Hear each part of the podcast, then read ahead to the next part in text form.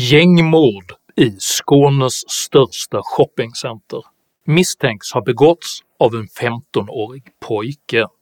Denna formulering innehåller så många extrema komponenter att de förtjänar individuell uppmärksamhet. Gängmord genom eldgivning på ett shoppingcenter under rusningstid. En person är död. En förbipasserande kvinna är allvarligt skadad och den misstänkte gärningsmannen är en 15-åring. Det finns inte längre någon som säger att “det har alltid varit så här”, för det har aldrig varit så här i nästan något land i hela Europa. Vad säger detta groteskt hänsynslösa dåd om Sveriges tillstånd? Hur blev det så här? Och vad måste egentligen till för att vända denna utveckling på riktigt? Dessa frågor tar jag upp i veckans video om våld och makt. Denna kanal är helt beroende av ert frivilliga stöd via betalningsalternativen här nedanför, så ett stort stort tack till alla de av er som hjälper mig att fortsätta göra dessa filmer. Jag släpper en aktuell ny video varenda lördagsmorgon klockan 08.00, så se till att prenumerera, bli notifierad och att följa min splitternya Substack. Idag talar jag om barn, brott och bekämpning. Häng med!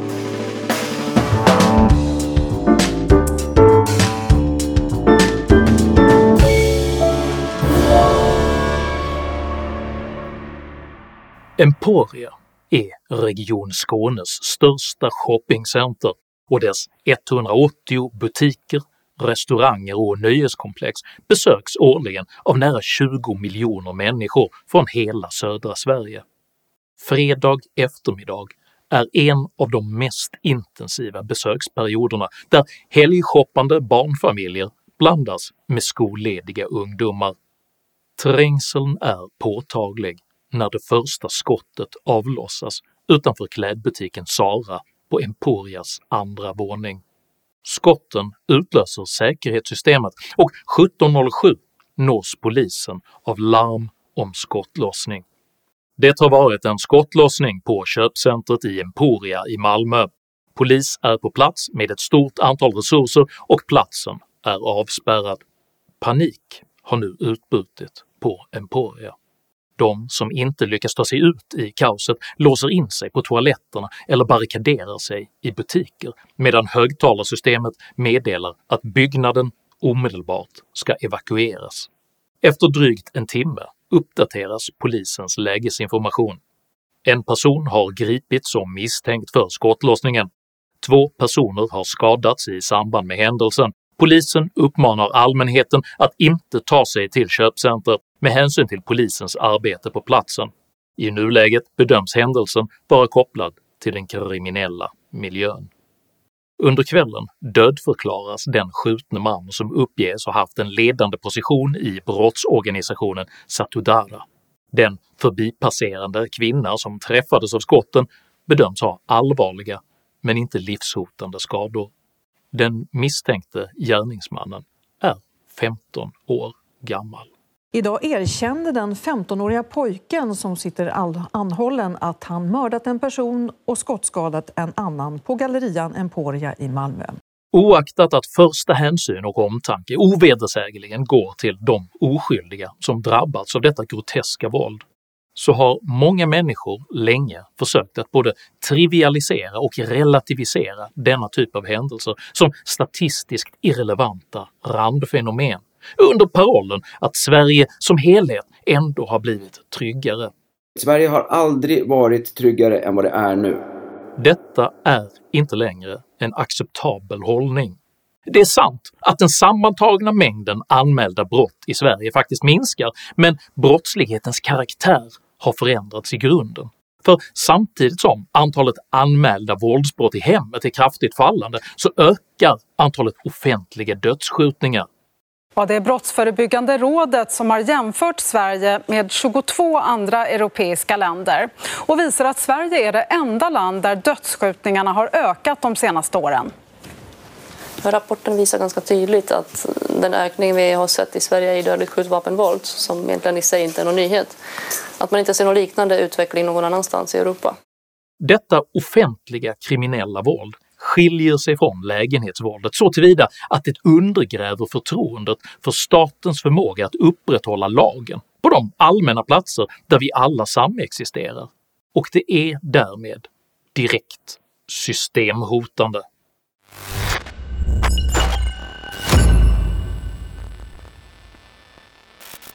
Enligt Brottsförebyggande rådet har svenskarnas oro för brottslighet kontinuerligt ökat de senaste åren. Hela 47% av den svenska befolkningen oroar sig över brottsligheten i samhället, vilket är en kraftig ökning jämfört med 2014 då andelen oroliga endast var 28%. På motsvarande sätt konstaterade SOM-institutet i årets trenduppdatering att 41% av svenskarna nu betraktar brottsligheten som den viktigaste frågan för Sveriges framtid. Och det internationella undersökningsföretaget Ipsos placerar Sverige i världstoppen av de länder som oroar sig mest över brottslighet och våld, överträffat endast av Mexiko och Chile.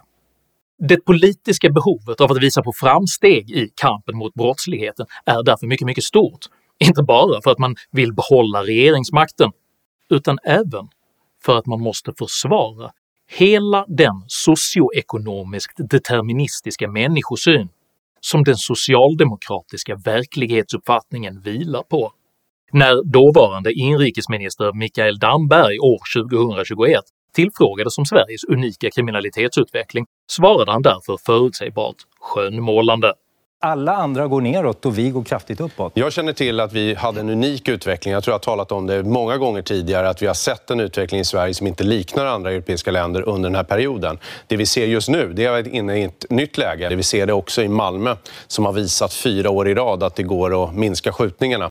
Det är sant att skjutningarna i Malmö gick ner under ett par års tid, men detta berodde delvis på att det rådde relativ gängfred i Malmö under dessa år, delvis på att coronapandemin hämmade samhällsaktiviteten i stort och delvis på att fransk polis knäckte brottssyndikatens krypterade chatttjänst Encrochat, vilket möjliggjorde ett stort antal arresteringar av yrkeskriminella i Sverige. Under maj månad i år nådde skjutningarna i Malmö enligt undersökningsföretaget Infostats beräkningar dock tillbaka till nivåerna innan Encrochat-arresteringarna. Malmö har under våren varit polisens skyltfönster för hur gängvåldet kan kuvas efter strategiska polissatsningar som Operation Rimfrost och Sluta skjut. Men trenden har vänt och det våldsamma kriget om narkotikahandeln är tillbaka. Faktum är att mordet på Emporia är årets 45 dödsskjutning, vilket alltså är lika många mord som under hela föregående år, redan i augusti. Statsminister Magdalena Andersson har likt ett mantra upprepat behovet att vända på alla stenar för att bekämpa denna utveckling. Vi ska vända på varje sten för att bryta segregationen som lägger grogrund för brottslighet. Ändå slår statsministern ifrån sig ansvaret för brottsutvecklingen genom att skuldbelägga allmänhetens bruk av rekreationsdroger vi har ju alla ett ansvar eh, så att man inte göder de kriminella och det kan ju både handla om att man inte ska se mellan fingrarna om eh, det luktar konstigt ur ungdomarnas rum, ens barns rum, eller om det är en firmafest och eh, det verkar försiggå någonting på toaletten. Men droger finns överallt! Och det är bara i Sverige som kriminaliteten skenar. För sanningen är att detta problem är unikt svenskt och ideologiskt självförvållat.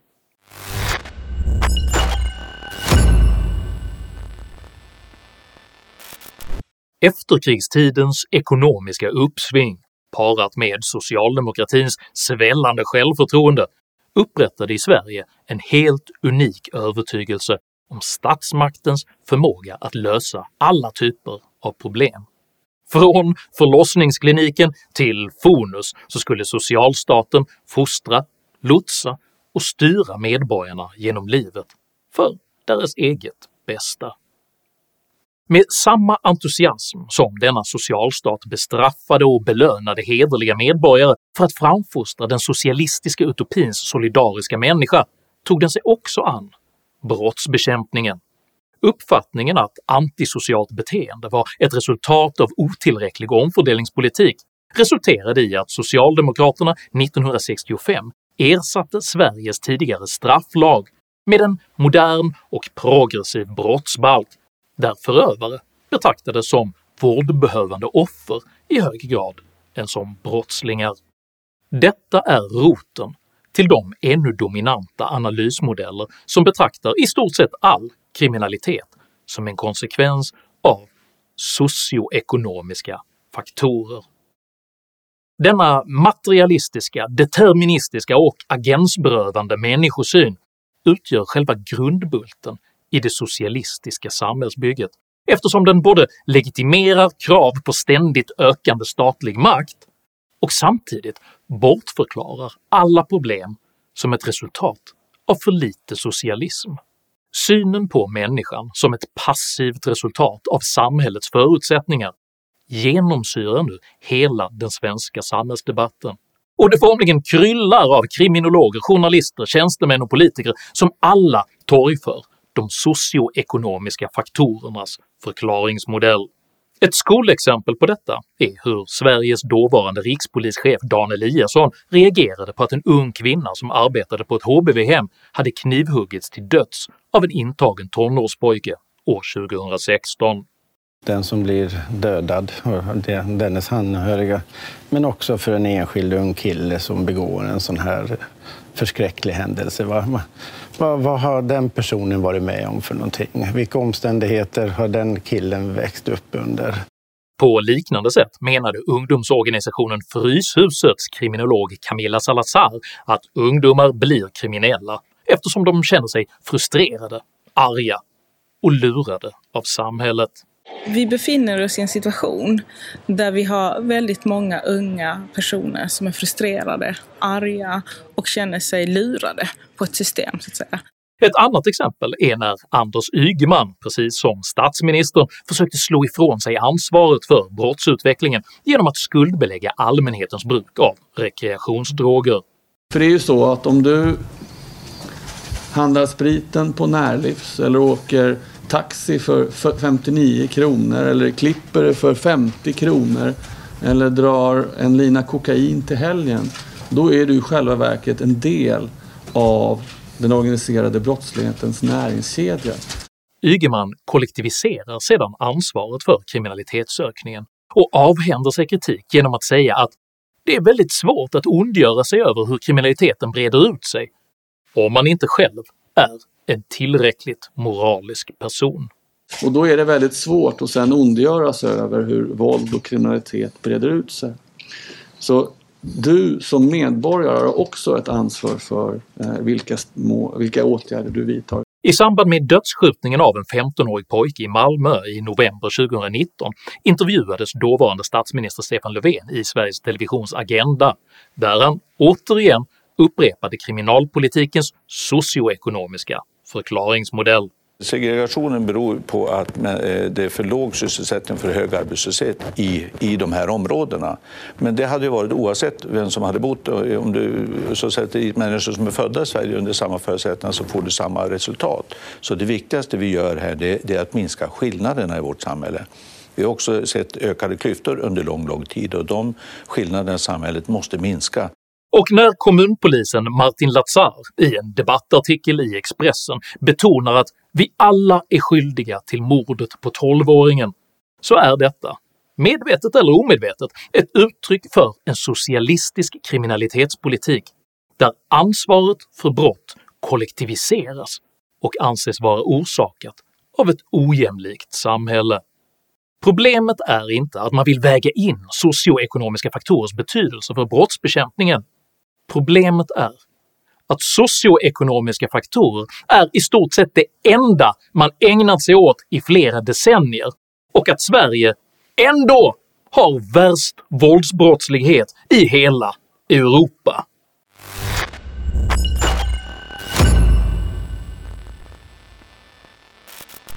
Brottsförebyggande rådets undersökning “Invandrares och invandrares barns brottslighet” konstaterade redan 1996 det har tidigare konstaterats att invandrarnas överrepresentation i brottslighet inte beror på ogynnsam fördelning när det gäller kön, ålder eller bostadsort.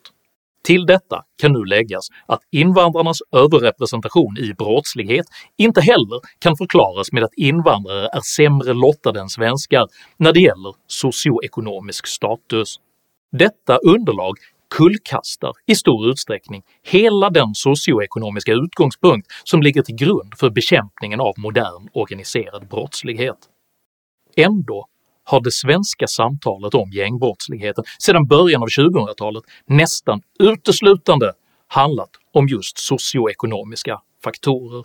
Huvuddelen av skälen till att invandrare är överrepresenterade i brottsligheten är omständigheter under de lever här i Sverige. Ingenting tyder dock på att invandrare skulle ha det sämre i Sverige än i andra länder, något som annars skulle ha kunnat förklara Sveriges unika kriminalitetsutveckling.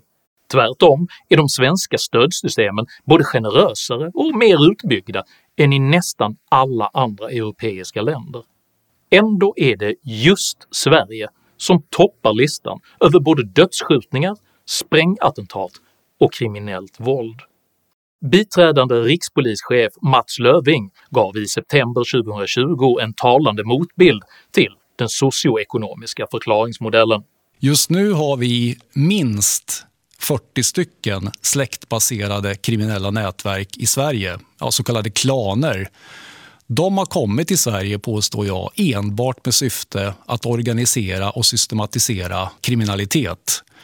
De arbetar med att skapa makt, de har stor våldskapacitet, de vill tjäna pengar. Många skulle säkert säga att det är sociala omständigheter, fattigdom, boendeförhållanden, dålig skolgång och allt sånt där. Att det är det som förklarar att man hamnar i brottslighet. Hur, vet du det?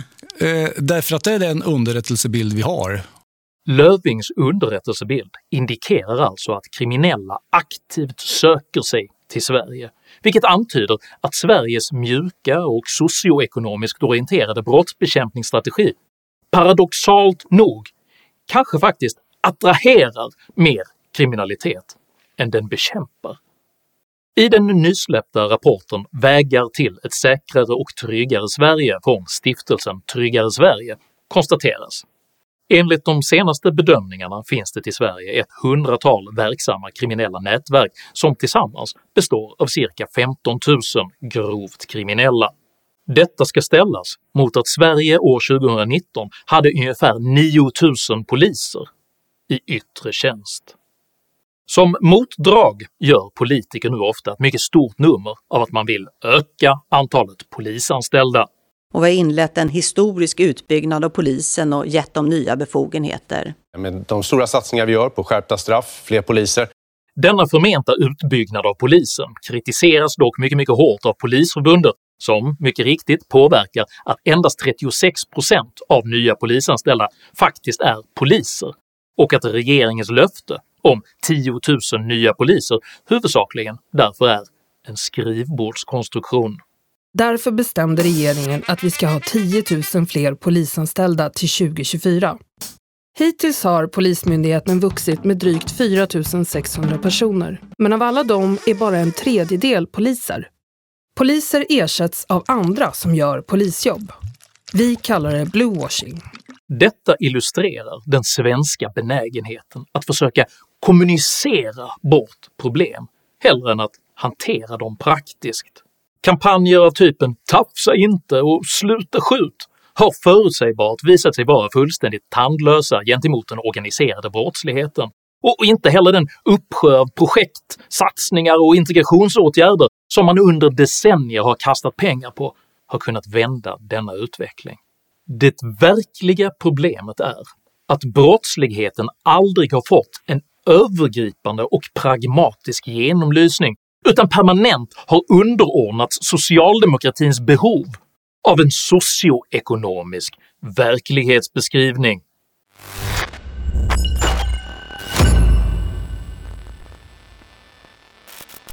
Med ambitionen att uttrycka handlingskraft gentemot den brottslighet man förlorat kontrollen över framförs nu allt mer drakoniska förslag på frihetsinskränkningar. Socialdemokraterna vill ge polisen befogenhet att göra husrannsakan utan brottsmisstanke. Moderaterna vill inom vissa områden tillåta kroppsvisitationer utan motiv. Sverigedemokraterna vill förbjuda gangsterrap i Sveriges Radio. Kanske är dessa förslag nödvändiga givet Sveriges nuvarande situation, men de tar inte itu med det underliggande problemet. Att Sverige inte är förmöget att tillämpa de polisiära och rättsliga verktyg som redan existerar, utan istället domineras av politiserade myndigheter med svag ledning och bristfälligt ansvarsutkrävande. Ett aktuellt exempel på detta är när justitiekansler Marie Heidenborg tidigare i år valde att betala ut 840 000 kronor i ersättning till en dömd våldtäktsman för att han hade suttit för länge på anstalt.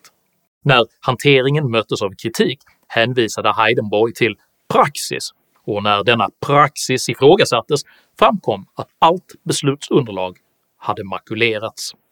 För när myndigheter inte längre kan uppvisa handlingskraft som korrelerar med det medborgerliga rättsmedvetandet och inte längre klarar av att omsätta politiska beslut i praktiska resultat, då rivs det sociala kontraktet sakta sönder. Sveriges dysfunktionella och politiserade myndigheter eroderar nu inte bara sammanhållningen i det svenska samhället, de riskerar även att omöjliggöra statens enda verkliga uppgift – upprätthållandet av rikets inre och yttre säkerhet. Signalvärdet är således enormt när myndigheter förslösar skattemedel på dömda våldtäktsmän och när uppburna politiker framför krav på blasfemilagar efter att en flyende ordningsmakt anfallits av islamister. För budskapet som då kommuniceras är att Sverige har förlorat kontrollen och att våldsverkarna håller på att vinna. Och detta är signalvärdet av mordet Emporia. Ni är inte längre säkra någonstans. Om du uppskattade innehållet i denna video så hjälper det mycket om du delar den med dina vänner och kanske till och med stöttar mitt arbete via något av betalningssätten här nedanför. Dela även gärna med dig av dina egna åsikter och erfarenheter i kommentarsfältet här nedanför, men jag ber dig att alltid vara artig. Jag accepterar inte aggression, personpåhopp eller rasism i mina idédrivna kommentarsfält. Tack för att du som kommenterar respekterar detta. Jag heter Henrik Jönsson och jag företräder idén om en liten effektiv stat med kärnuppdraget att upprätthålla sin inre och yttre säkerhet. Varken mer eller mindre. Tack för mig och tack för att du har lyssnat.